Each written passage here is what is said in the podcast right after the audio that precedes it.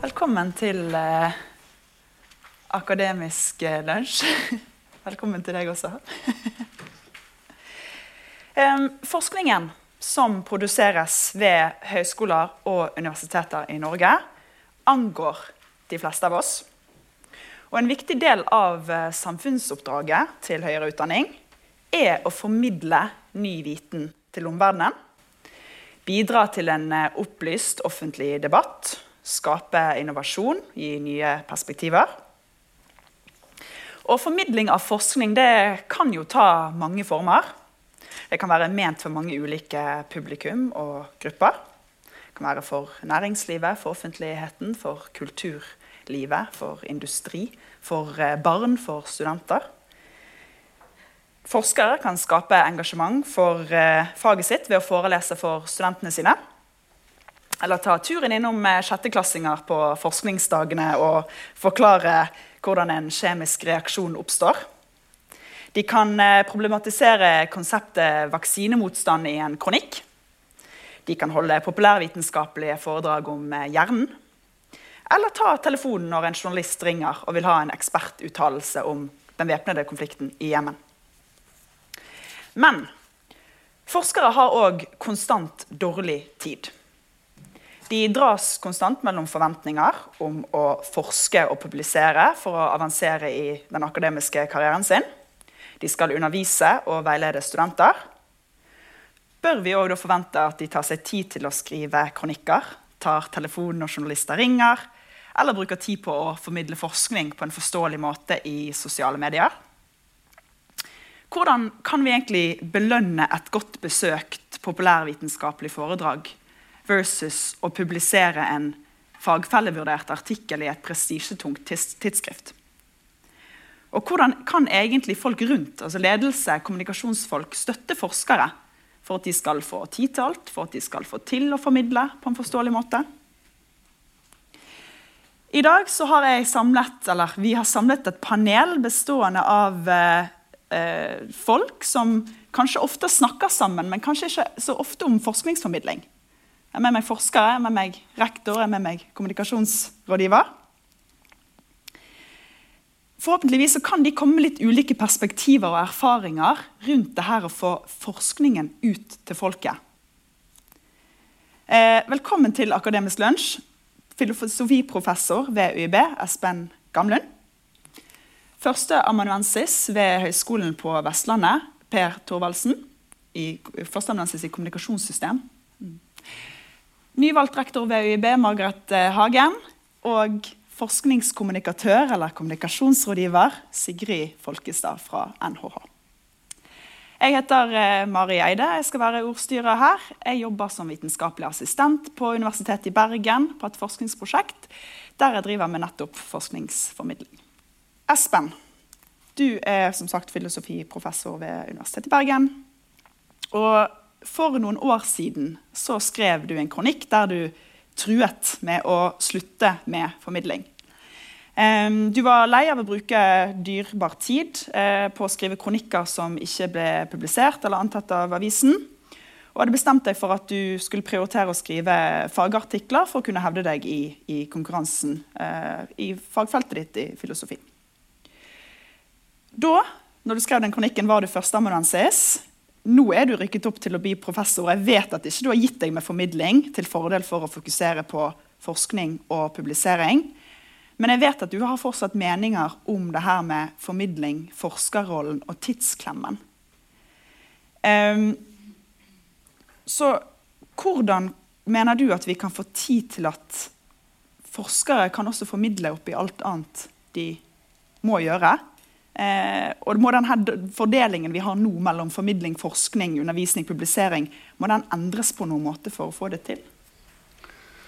Det er et uh, interessant og, og, viktig spørsmål. Um, jeg har jo holdt på med formidling i snart 20 år, som en del, som et del av livet på, i akademia. Uh, husker jeg fikk min første kronikk antatt i Morgenbladet i 2006. Det var en sånn stor begivenhet. Uh, og Det høres ut som jeg har fått avslag på alle kronikker. Siden. det har jeg ikke. Men det, er, men det, er, som alle som har prøvd å skrive kronikker og vet at det er vanskelig å komme gjennom. Så du, du kaster, risikerer alltid å kaste bort noe tid med det.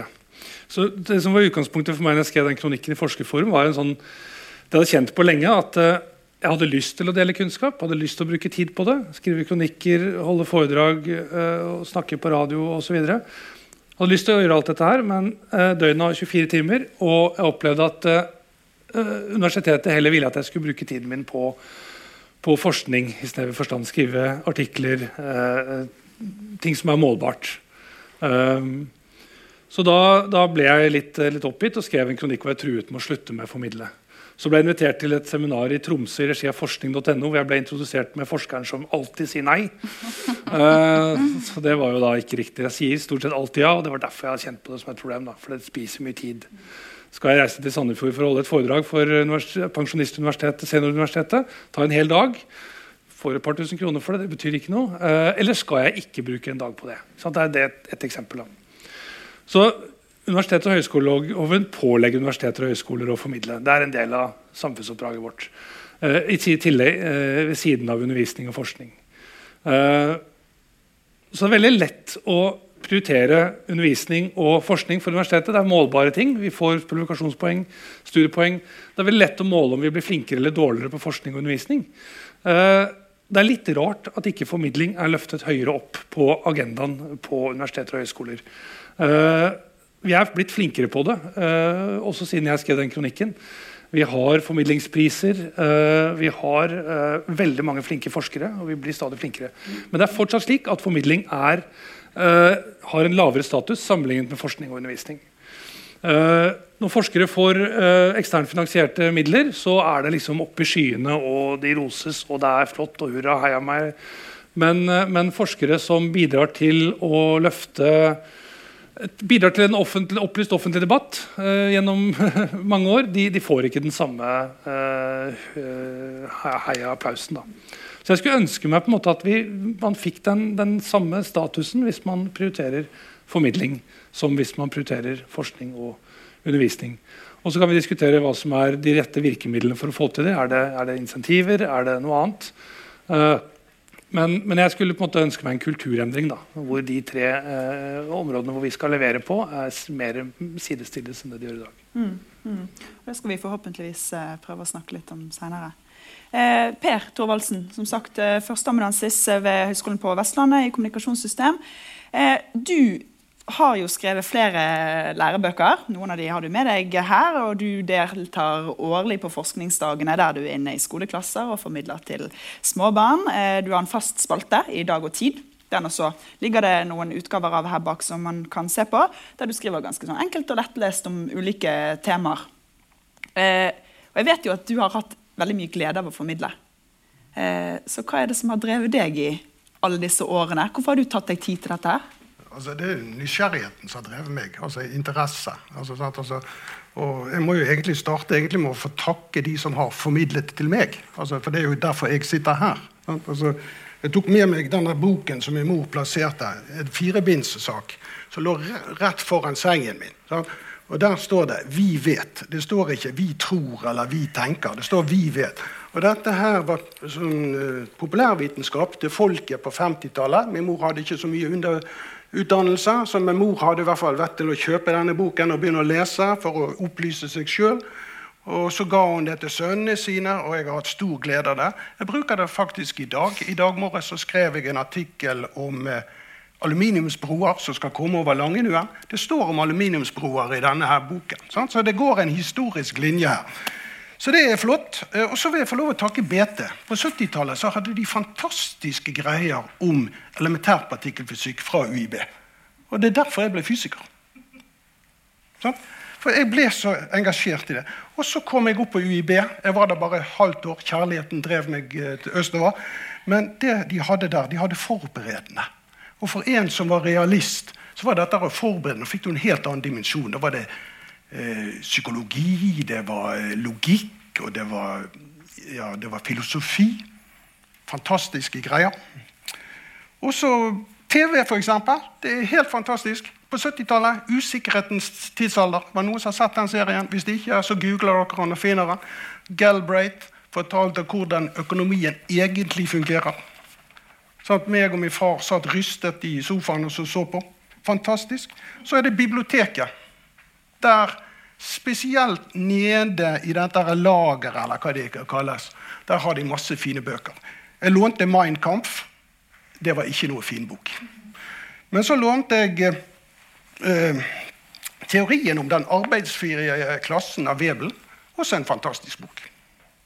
Så lånte jeg Euklids elementer, for jeg tenkte jeg må jo lære hvordan de lærte matematikk. Da Da fikk jeg et skriv som jeg måtte fylle ut om hvorfor jeg lånte den boken. Og det syns jeg var litt morsomt. Ehm, så er det jo i disse dager Internett og YouTube. Det er helt fantastisk. Jeg sitter og koser meg hver kveld med YouTube.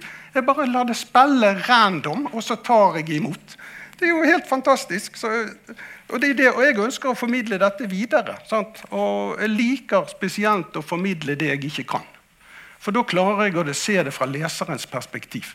Sånn du må ha evnen til å sette deg inn i ting som er relativt kompliserte, men som prøver å forklare det på en forståelig måte. Og det er det jeg syns er gøy. Og nå får jeg faktisk betalt for det. Dag og tid svirer 3500 kroner hver gang jeg skriver en artikkel. Og jeg tenker på det, og så sier jeg som Mozart 'It's all in my head'. Og så skriver jeg det ut i løpet av et par minutter. Det er utrolig lettjente penger, og det er kjempegøy å holde på med. Men du, Per, du, føler du deg over, ofte, eller av og til eh, i den samme tidsklemmen som Espen gjør? At du tenker sånn Det er så mye jeg skal. Jeg skal forelese, jeg skal forberede undervisning, jeg skal veilede studenter. Jeg skal produsere forskning, og så skal jeg gjøre dette her med formidling. Er det noe som du har kjent som en bør på samme måte? Nei, tiden kommer til en. Altså, jeg har tid til alt jeg har lyst til. Og så prøver jeg å unngå det jeg ikke liker. Sant? Og ikke kaste bort tiden min på det. Så jeg skriver lærebøker. det har tid til. Nå må jeg jo innrømme at jeg er enkemann, så jeg har jo fryktelig mye tid om kvelden. Så jeg kunne kastet bort. Det bruker jeg faktisk til å forstå ting. Så jeg koser meg med det. Så, jeg har veldig mye tid. Så det er liksom den, den gleden som gjør at du at, som motiverer deg? Ja, så liker jeg å skrive. Jeg husker da når jeg uh, leverte hovedoppgaven min. Og Jeg hadde ikke tenkt på det, jeg hadde jo bare skrevet sånne kjedelige pro-kontra-stiler på gymnaset. Og jeg tenkte at skriving var kjedelige greier. Så sa han der eh, som var sensor, du skriver godt og forståelig. Jeg hadde ikke tenkt at jeg gjorde det. Men det var liksom, jeg tror det var kanskje han som tuppet meg litt. Altså. Mm.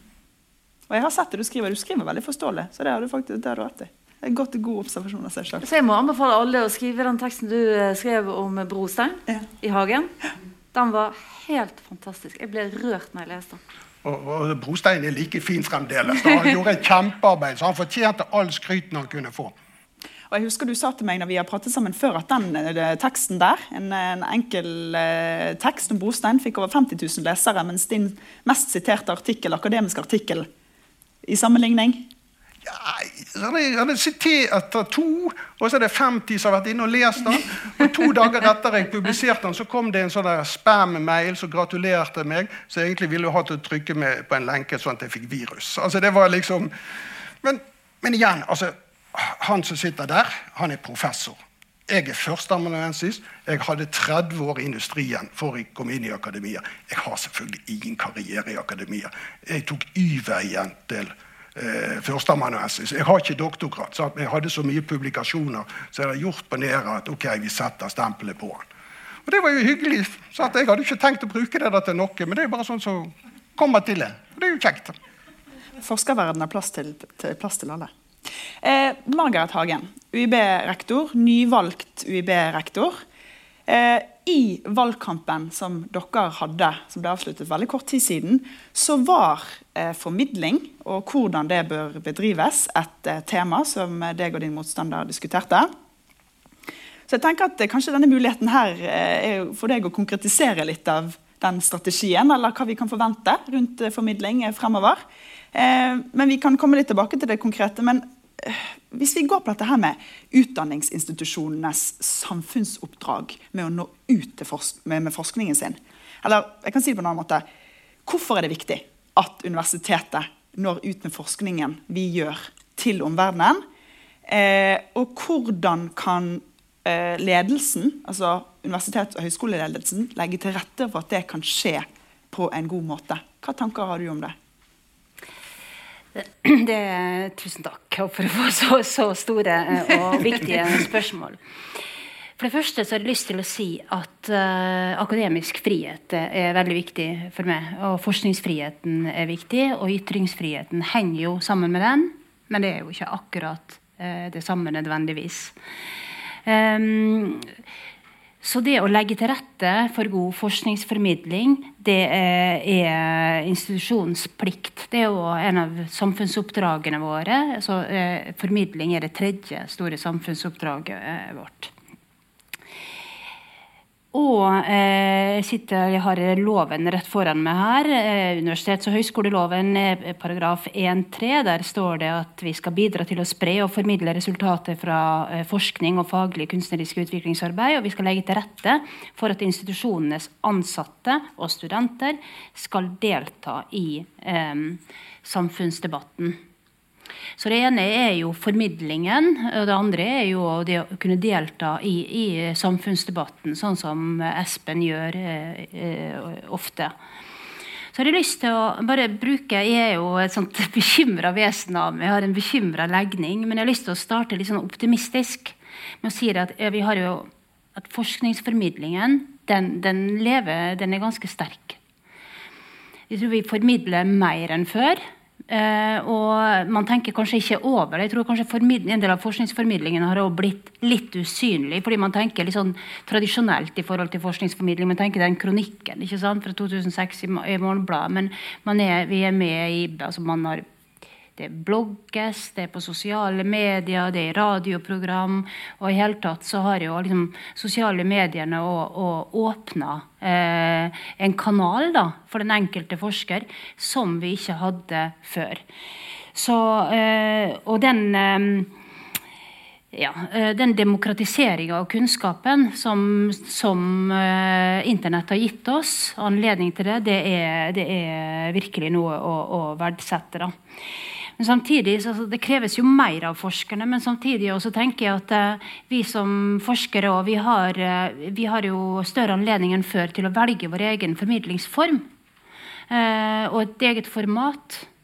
Og, og, og, det er fint. Og så er det jo selvfølgelig slik at det er kamp om oppmerksomheten. Og det er ikke all forskning som er, um, har lit, like aktuell interesse. Sånn at man må liksom Eh, gjerne ha eh, bruke de midlene, og, og institusjonen bør hjelpe til, slik at eh, man kan finne den kanalen som er, er best egnet, og få på en måte de, det rammeverket rundt det. Og så har jeg lyst til å si at for å fortsette å være optimistisk da, under, Hvis det er noe som covid har lært oss, så er forskning er viktig. Og den interessen for forskningsformidling som eh, pandemien har skapt, den tror jeg er noe å holde fast ved. Det er en nylig undersøkelse som nå, nå viser at eh, norske folk har stor tillit til, til forskning. Og en veldig fin ting òg, en interessant ting med all den forsk gode forskningsformidlinga som vi har sett under covid, er at den ikke bare har fremma formidling om kunnskapen om pandemi, om hva et virus er, sånn og sånn og sånn, sekvisering og ting, ord vi ikke kunne før, men den har òg lært eh, Den er òg en formidling av hva forskning er. Og det å tenke er veldig viktig at vi som forskere òg eh, formidler at forskning er en prosess. Den er internasjonal ofte, den, ja, og den er også kollektiv. Og det er ikke sånn vi vet. det fins ikke endelige svar. Sånn at uh, det å, å, å um, åpne for tvilen eh, og, og, for den undringa og dialogen som ligger implisitt i forskninga, det å håpe i noe som kan henge ved da, eh, i offentligheten og i mediene etter, eh, eh, etter pandemien. Um, det var sikkert ikke et svar på det du spurte om, for du spurte om hva vi som institusjon skal gjøre. Ja, og Spesielt kanskje med tanke på, på ledelse. Altså Hvordan kan universitetsledelsen, det gjelder også de helt på toppen, men også kanskje gjerne ned til instituttnivå, altså nærmeste leder, hvordan kan man legge til rette for at forskerne får tid til å, å uh, formidle? Eh, og hvordan kan man legge til rette for at det er et system som kanskje eh, applauderer formidling eh, på, ikke på lik linje med publisering forskning, kanskje, men at det også eh, kan telle? Hvordan kan det telle? Hva system kan man innføre som passer til å eh, telle formidling? Hva tenker du om det? For det første eh, tenker jeg at en institusjon eller universitetene skal legge til rette for formidling. Eh, og Det betyr å, å ha eh, gode, god formidlingsstøtte i ulike, i, i ulike, format. Når det gjelder det å telle, så det er jo òg et universitetspolitisk spørsmål at, man, at noe teller selv om det ikke telles i tellekantene og tellekantenes verdi.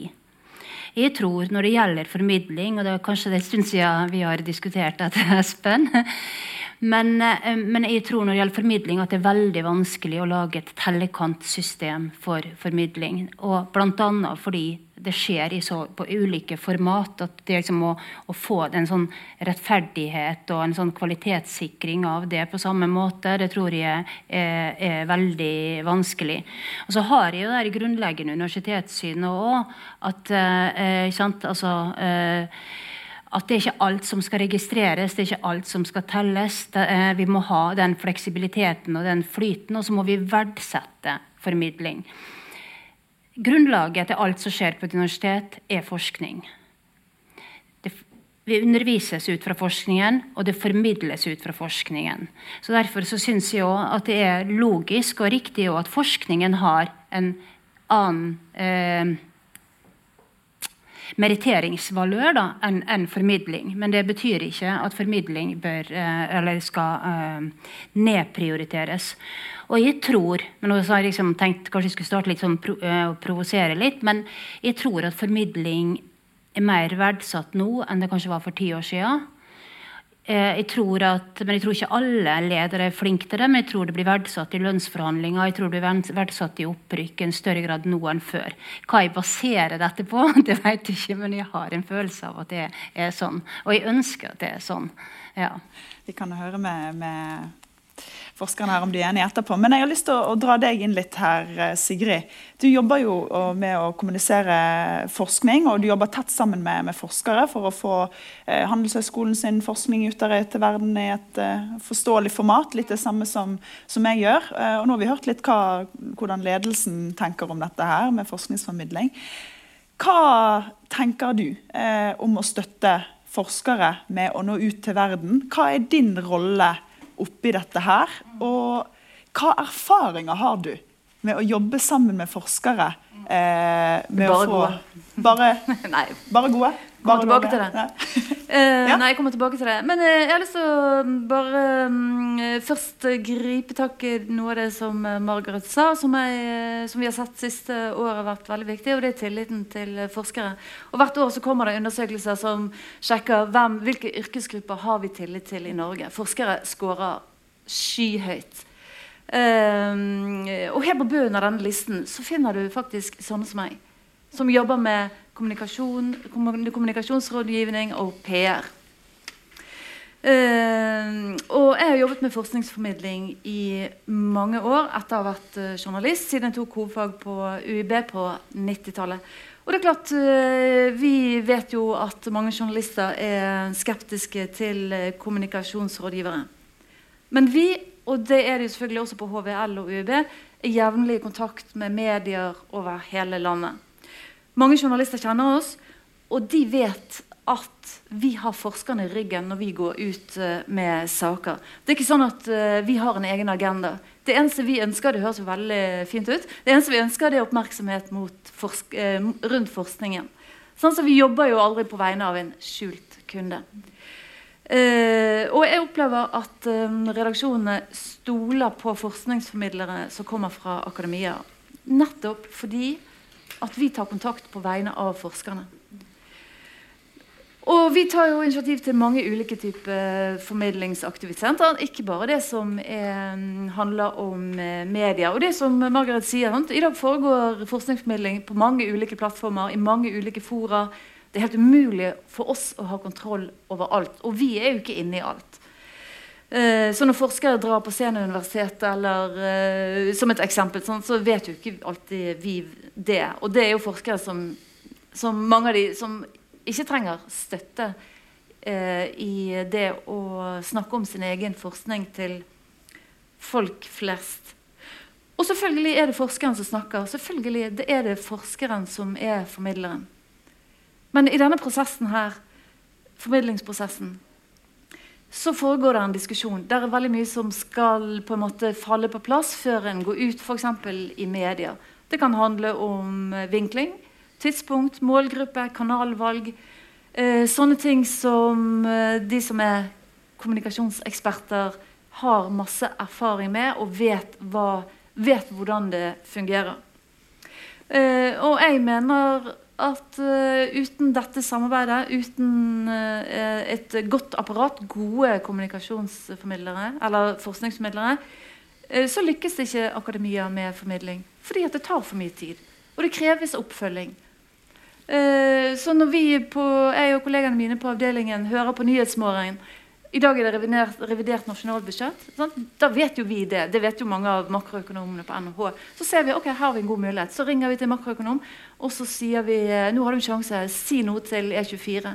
Og så tar vi kontakt med E24, og så, og, så, prøver vi liksom å holde den uh, koken underveis. Det er en sånn type støtte som uh, alle tjener på. Og I dette samarbeidet så diskuterer vi med, for, uh, med forskerne. Sant? det som jeg synes kanskje er det mest interessante og det viktigste, det er hvor langt er forskeren villig til å gå med resultatene fra sin studie. Vi vil gjerne pushe det litt. Vi er litt mer tabloide. Vi ser for oss at vi kan kontakte debattredaksjonen i NRK, mens forskeren kanskje vil skrive en forsiktig kronikk. Dette diskuterer vi. Det siste ordet, hvem har det? Selvfølgelig det er forskeren. Det er forskeren som har gjort jobben. Eh, vi bare viser mulighetene og hjelper dem eh, på vei. Eh, og i dette samarbeidet, så det sa jeg kanskje, det er én ting vi alltid spør om. Dersom det er studier som legger opp til det. Sant? Hva er implikasjonene? Hva betyr dette for samfunnet? Hvordan angår det folk? Eh, og dette er selvfølgelig enormt viktig, for da avklarer du det du ikke kan gjøre når du går ut i media, er selvfølgelig å drive og overselge noe som forskeren i etterkant må eh, på en måte ikke trekke tilbake, men ja. Eh, nå skal jeg være kjapp. Ledelsen på NHO er de opptatt av formidling. Ja, de er like opptatt av formidling som eh, Margaret uh, er, tipper jeg. Uh, det vi gjør, Medieklipp og kronikker, er sånne ting som blir rapportert og diskutert hvert eneste kvartal. Alt vi vet om vi, gjør vi synlig. Eh, senest i desember fikk eh, NHH-professor Tina Søreide, hun er korrupsjonsekspert, hun fikk tildelt pris for fremragende formidling, som deles ut hvert tredje år. Sikkert sånn som det gjøres på mange universiteter. Dette er en måte NHH ønsker å synliggjøre hvor viktig dette er. Og, og, Derfor bruker vi også ganske mye tid på kommunikasjonsavdelingen. På kronikkurs, som vi har løpende nesten hele tiden. På støtte til kronikkskriving. For det er viktig dette med kronikkskriving. Dersom en forsker får dette til, eh, så ser vedkommende hvordan egen forskning kan kommuniseres ut. For da er du nødt til å faktisk snakke til folk utenfor ditt eget fagfelt. Og, og, så til slutt, eh, Hvordan klarer disse to ulike gruppene, og kommunikasjonsfolk og forskere, å samarbeide? Er det gnisninger? Spurte du meg om på telefonen, så jeg svarer på det nå. Mm. På NH nei. Eh, men jeg har lyst til å legge til som kommunikasjonsmedarbeider så kan du ikke være et aspeløv. Du er nødt til å tåle å ta tydelige tilbakemeldinger. Eh, eh masse uenighet. Men du er også, også, nødt til å tørre å si hva du mener. Hvis du får en god studie, så tenker du denne muligheten må vi bare gripe, ellers så er vi eh, dumme, altså. Og, og så, du må liksom tørre å, å uh, gå den veien. Og er det alltid bare fryd og gammen? Har jeg opplevd vanskelige situasjoner? Ja, det har jeg faktisk. Eh, men ikke på NHH. Men jeg var på en konferanse i Oslo for noen år siden sammen med en del forskere. Det var pause, og folk sto med en kaffe. Og så hadde jeg spørsmål til en av forskerne fordi jeg skulle skrive en forskningsartikkel. Sant? Jeg jobbet på NHH. Eh, og så, Det var et forberedt spørsmål. Det var ikke dumt. Og Så tar jeg kontakt og så sier, spør han, sant? stiller spørsmålet. Og så ser han bare dumt meg. Og så, så vender han seg til de forskerne og så sier han Én ting er journalister, der kan du høre mye dumt. Men kommunikasjonsfolk, de tar kaken. Og det er en sånn type holdning som eh, ja, jeg syns var ganske eh, på kanten. altså. Jeg har aldri opplevd det på NHH. Men som sagt, altså, du, må tåle, du, må, du, må tåle, en god diskusjon og akseptere at det er forskeren, formidleren, som har siste ord. Mm. Ja. Jeg har lyst til å gå litt til deg, Espen. fordi jeg vet at uh, du, du, har jo kanskje et Du gjør jo mye sjøl, men du sa når du skrev din første kronikk så var ikke den den beste kronikken du hadde skrevet.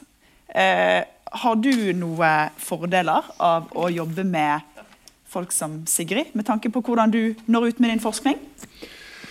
Ja, altså, skal, De aller fleste kronikkene jeg har skrevet, har vært på en måte egeninitiert og gjort alt selv. Men jeg har noen eksempler på at, at kommunikasjonsavdelingen på UB har vært involvert og framsnakket en kronikk, vært en kontaktperson inn mot en avis og, og hjulpet meg litt med vinkling og sånn. Og det har vært veldig nyttig. Eh, for det er no, sikkert noen ganger at jeg, særlig i startfasen, hvor jeg ikke ante hvordan jeg skulle henvende meg til en avis med en, en kronikk. Uh, skrev dårlig, skrev tungt, skrev vanskelig. Hadde ingen kobling til noen aktuelle saker. Så jeg skjønner veldig godt at uh, redaktørene refuserte det. Uh, så jeg ser jo det at hva som nå skal til, det vet jeg jo. Men allikevel så får jeg jo fortsatt avslag. Men det er greit nok. Jeg har fortsatt publisert noe sånt som 30 kronikker, så jeg har god samvittighet på det. Så jeg har knekt en eller annen kode. Men jeg tenker at det samarbeidet det der du nevner med at dere er, kan være proaktive overfor uh, forskere og hjelpe til å bygge kontakt med, med journalister. og dette, det, Du kan om dette her, nå er det en sak her. du må sånn og sånn. Det, det kunne jeg godt tenke meg mer av på, på UB. At, at, vi har mer av det der eh, sam, nære, tette samarbeidet.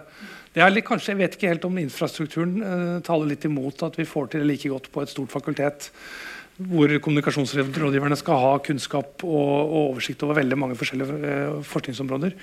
Uh, at det er lettere hvis du på en måte har en, forsknings, uh, en kommunikasjonsrådgiver mer lokalt på, på, avdelingen din, på instituttet ditt, på, på senteret ditt. men det er, noe, det, er noe, det er, ikke noe, som tilsier at det er umulig å få til. Men bare at det, det krever ganske mye av kommunikasjonsrådgiveren og av samarbeidet.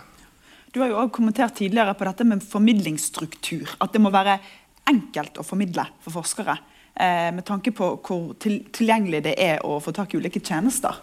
Ja, Jeg skulle nok ønske at infrastrukturen hadde vært altså Jeg tror infrastrukturen på mange måter er på plass. Det er bare at vi utnytter, utnytter den ikke. På hvilken eh, måte, eller hvordan? Nei, når jeg og kollega en, eh, gjorde et opptak på Lærernes dag bort på Media City, så fikk vi jo etter å høre en videoopptak fikk vi høre at her står det jo lokaler ledige hele tiden. Det er bare å ta kontakt, så kan dere gjøre innen opptak når som helst. Å, kan vi det? så fint, det visste jeg ikke. Eh, det var veldig lavterskel. da. Eh, ok, Hvis vi har en podkastserie vi har lyst til å lage, så kan vi bare komme hit. Og så er alt utstyr alt på plass. Det er bare å booke en, eh, en dato et tidspunkt. Det, mer av det der. Uh, og så har du sånn UiB Innsikt og sånne etter hvert etablerte foredragsserier, seminarserier hvor alt administrative arbeidet gjøres av noen andre, hvor du kan komme eh, til ferdig dekket bord og bidra med det du skal. Eh, mer av det skulle jeg ønske meg, så at jeg ikke må gjøre all den jobben med å igangsette ting, initiere ting. Ja, alt det praktiske som, som eh, hører med til en god del av formidling. Mm. Og per, du har jo, Vi snakket litt om dette her på telefonen med deg også, for jeg er litt interessert i hvordan dere forskere har samarbeidet med kommunikasjonsrådgiver. For Noen gjør det mye, og noen gjør det lite. og du nevnte at du er egentlig ganske selvdreven. Eh, er det noen ganger du har tenkt sånn Nå skulle jeg hatt eh, en kommunikasjonsrådgiver her. Altså, Jeg har ikke noe imot å samarbeide med kommunikasjonsrådgivere, men jeg har aldri sett noen. Nei. Altså, det som, jeg kan jo, Bare som en liten sånn anekdote da, kan jeg jo si at uh, når vi sitter i lunsjen, så sitter kommunikasjonsavdelingen sammen på sitt eget bord. Hadde jeg jobbet i kommunikasjonsavdelingen, så hadde jeg selvfølgelig gått rundt på bygget og sørget for at jeg fant sakene. Så, så, sånn, så, sånn, er det bare. Sant? At vi, vi, blir litt introverte hos oss sjøl alle sammen. Så, jeg skulle gjerne hatt mer samarbeid med dem, men som sagt, jeg har klart meg godt alene. Jeg har ikke noe problem med det. Men, og det er jo mange forskere på NH som også klarer seg helt uh, fint uh, alene. Så når Victor Norman skriver en av sine faste kronikker i Dagens Næringsliv, så har jo jeg hendene mine på den. Uh, og, han, uh, og, de blir jo lest bare på nettsidene på nh.no så blir det jo lest 50 000. Og du kan tenke deg hvor mange lesere i uh, DN. Så det er jo veldig mange av de jeg aldri ser. Men klart, En viktig del, oss, viktig del av arbeidet for oss er jo at vi går i gangene og banker på dørene og tar en kaffe med instituttstyreren og, og får informasjon derfra. Og også får på en måte litt mer kunnskap om nyansatte. Mm. fordi der er jo alltid noen med godt potensial, og så er det noen som du vet du må jobbe mye med. Så, så, når vi arrangerer mediekurs og kronikkurs, så vet jeg jo hvem jeg har lyst til å ha med. Og det er klart Vi er en mindre institusjon enn dere. men også på NHH er det jo seks institutt, og de går jo i mange retninger der også. Så det er jo ikke sånn at det et, det, det er jo som ikke alle som jobber med makroøkonomi eller bedriftsøkonomi. Det er jo spredt. Men jeg skulle si en ting. Det å ha interesse for fagfeltet er jo eh, en viktig drivkraft. For min del er det en veldig viktig drivkraft. Um, og det å også ha en ledelse som helt eksplisitt um, får med seg og er opptatt av uh, formidling, det er jo en stor motivasjon, også for uh, forskerne. Men du kan jo ikke tvinge forskere som mener de har liksom begeret fullt. Det ligger jo ikke noen tvangsmekanisme her. Det ligger vel bare en belønningsmulighet. Ja. Egentlig et veldig fint uh, sted å, å, stoppe akkurat det på. fordi jeg husker når jeg så den debatten mellom deg og Oddrun Samdal, at dere snakket litt om dette her med, med hvordan vi skal belønne gode formidlere, de som når ut med forskningen sin. Eh, hvordan skal vi egentlig klare å, å, å, belønne den innsatsen? Du husker det var noen som kommenterte da, dette kommentarfeltet at ja, de prøver å, å, formidle, men for det første har de ikke tid. Og for det andre så har det faktisk ganske lav status å bruke tid på formidling istedenfor publisering enkelte fagområder er det noe vi må gjøre noe med? Må det en endring i liksom, internkulturen i akademia til for å, at formidling skal ha noe å si? At vi skal bry oss mer om det? Hva tenker du om det fra et ledelsesperspektiv? Jeg tror, eh, jeg tror at dette Hvordan skal jeg gripe det an? Ja, jeg, jeg tror det, det, er slik at eh, formidling har en annen status enn forskning på et universitet så ser man at forskning og, og undervisning og utdanning er, vi leverer, er liksom primæroppgavene. Og så er det sånn at uh, forskning heng, eller formidling henger jo sammen med forskningen. Altså Man formidler jo ut ifra sin egen forskning. Som det ene da har lavere status enn det andre. Det er, det er kanskje litt sånn, kanskje det ikke er riktig måte å, å, stille spørsmålet på. Men det er klart hvis det er snakk om hva man får professorkompetanse på, så er det, eh, er det, forskningen først og fremst, og ikke formidlingen. Og hvordan tiden vår eh, blir eh, beregna, det er jo altså de kombinerte stillingene. Så jeg tenker liksom hele selve reisverket i akademia. Da, det at vi har 50% forskning, 50% undervisning. Altså, hvor er da formidlingen i dette? Sant? Altså, er det de resterende 10% Skal vi virkelig telle på den måten? Ja, det, okay, det, er, sånn, det er sånn, et midtsjikt der. Så er det klart at um, det er et, eh, et, kjempeproblem i akademia. Eh, mange av oss arbeider mye mye mer enn den gjennomsnittsborgeren gjør. Det, det, tror jeg er tilfellet. Og særlig nå, eh, under pandemien, nå, har det vist seg at man har knapt tid til å forske. Fordi undervisningsarbeidet har blitt såpass krevende. Så um, og hvordan vi, hvordan vi, skal verdsette. Jeg tror det, jeg, jeg tror det er viktig å holde frem og gi eh, rom til sterke formidlere. Altså vi har, eh, sånt, vi har Årebrott-forelesninger, f.eks. For det er jo på sitt vis en, en, formidlingspris som ligger i det. Løfte, løfte, det i sånne sammenhenger. Løfte det i lønnsforhandlinger og gi og legge til rette, ha gode strukturer eh, for formidling. Og også holde ryggen, for å si det på, på, på godt norsk, da, til, til, formidlere. Fordi sant, Man skal ikke være et aspeløv for å jobbe i kommunikasjonsavdelinga, men du skal ikke være et aspeløv for å, være, eh, for, for å formidle forskningen din eh, også.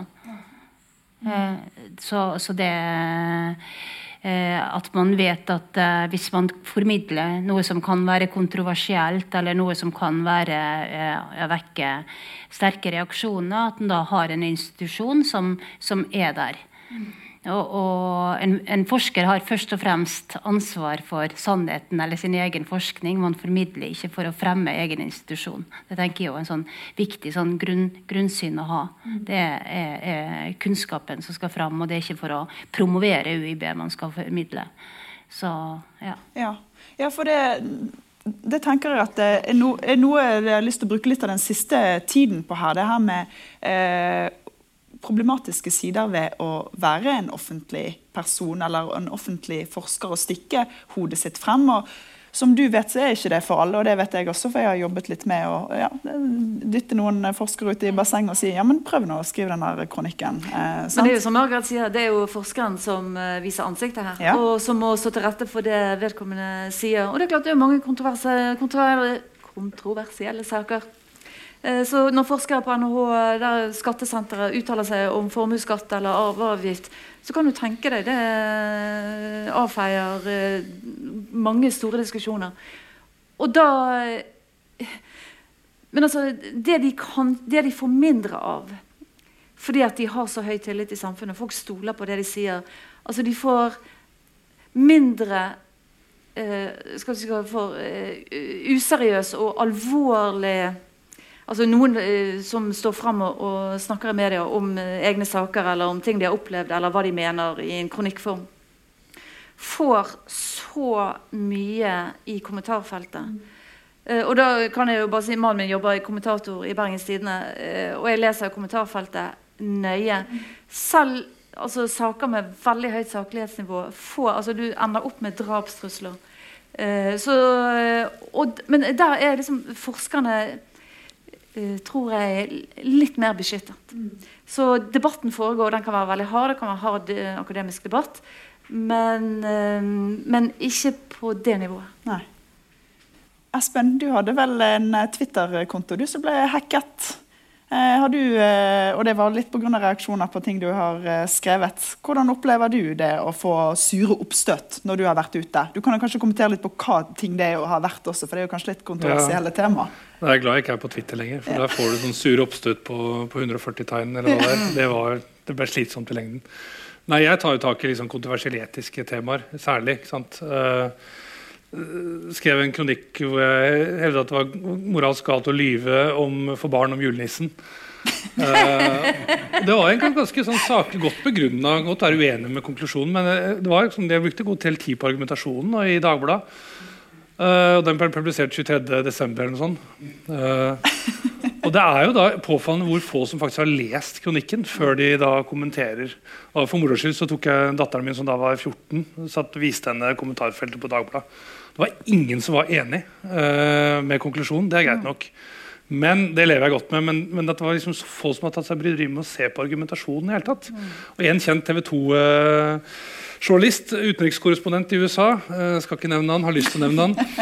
Uh, liret av seg en kommentar med at uh, stakkars kan, foreldrene kan ikke ha tatt godt vare på han eller et eller annet sånt som kan mene noe sånt. Mm. Så det, men det, er en kostnad å stikke hodet sitt fram, og du kan ikke være et aspeløv på ingen måte. Men det er en kostnad som jeg tenker at er stort sett verdt det. Jeg har fått også trusler. det har jeg fått. Men det har ikke vært så alvorlig at jeg har liksom mistet nattsøvnen. Uh, men uh, Så du er ikke et aspeløv for dem? Nei, det, jeg tåler godt kritikk. Det er jeg også veldig flink til å, å kritisere de jeg mener fortjener kritikk. Så kritikk tenker jeg, det ønsker jeg mer velkommen. Saklig godt begrunnet kritikk er en del av det av akademisk frihet og ytringsfrihet som vi, vi bør ha en, en, god kultur på. Mm. Hva med deg, Per? Får du eh, kritikk, reaksjoner av negativ karakter da, når du du er jo ganske hyppig ute. altså Du har en fast spalte. Så du har mange anledninger. altså Du er jo en vandrende skyteskive eh, hele året.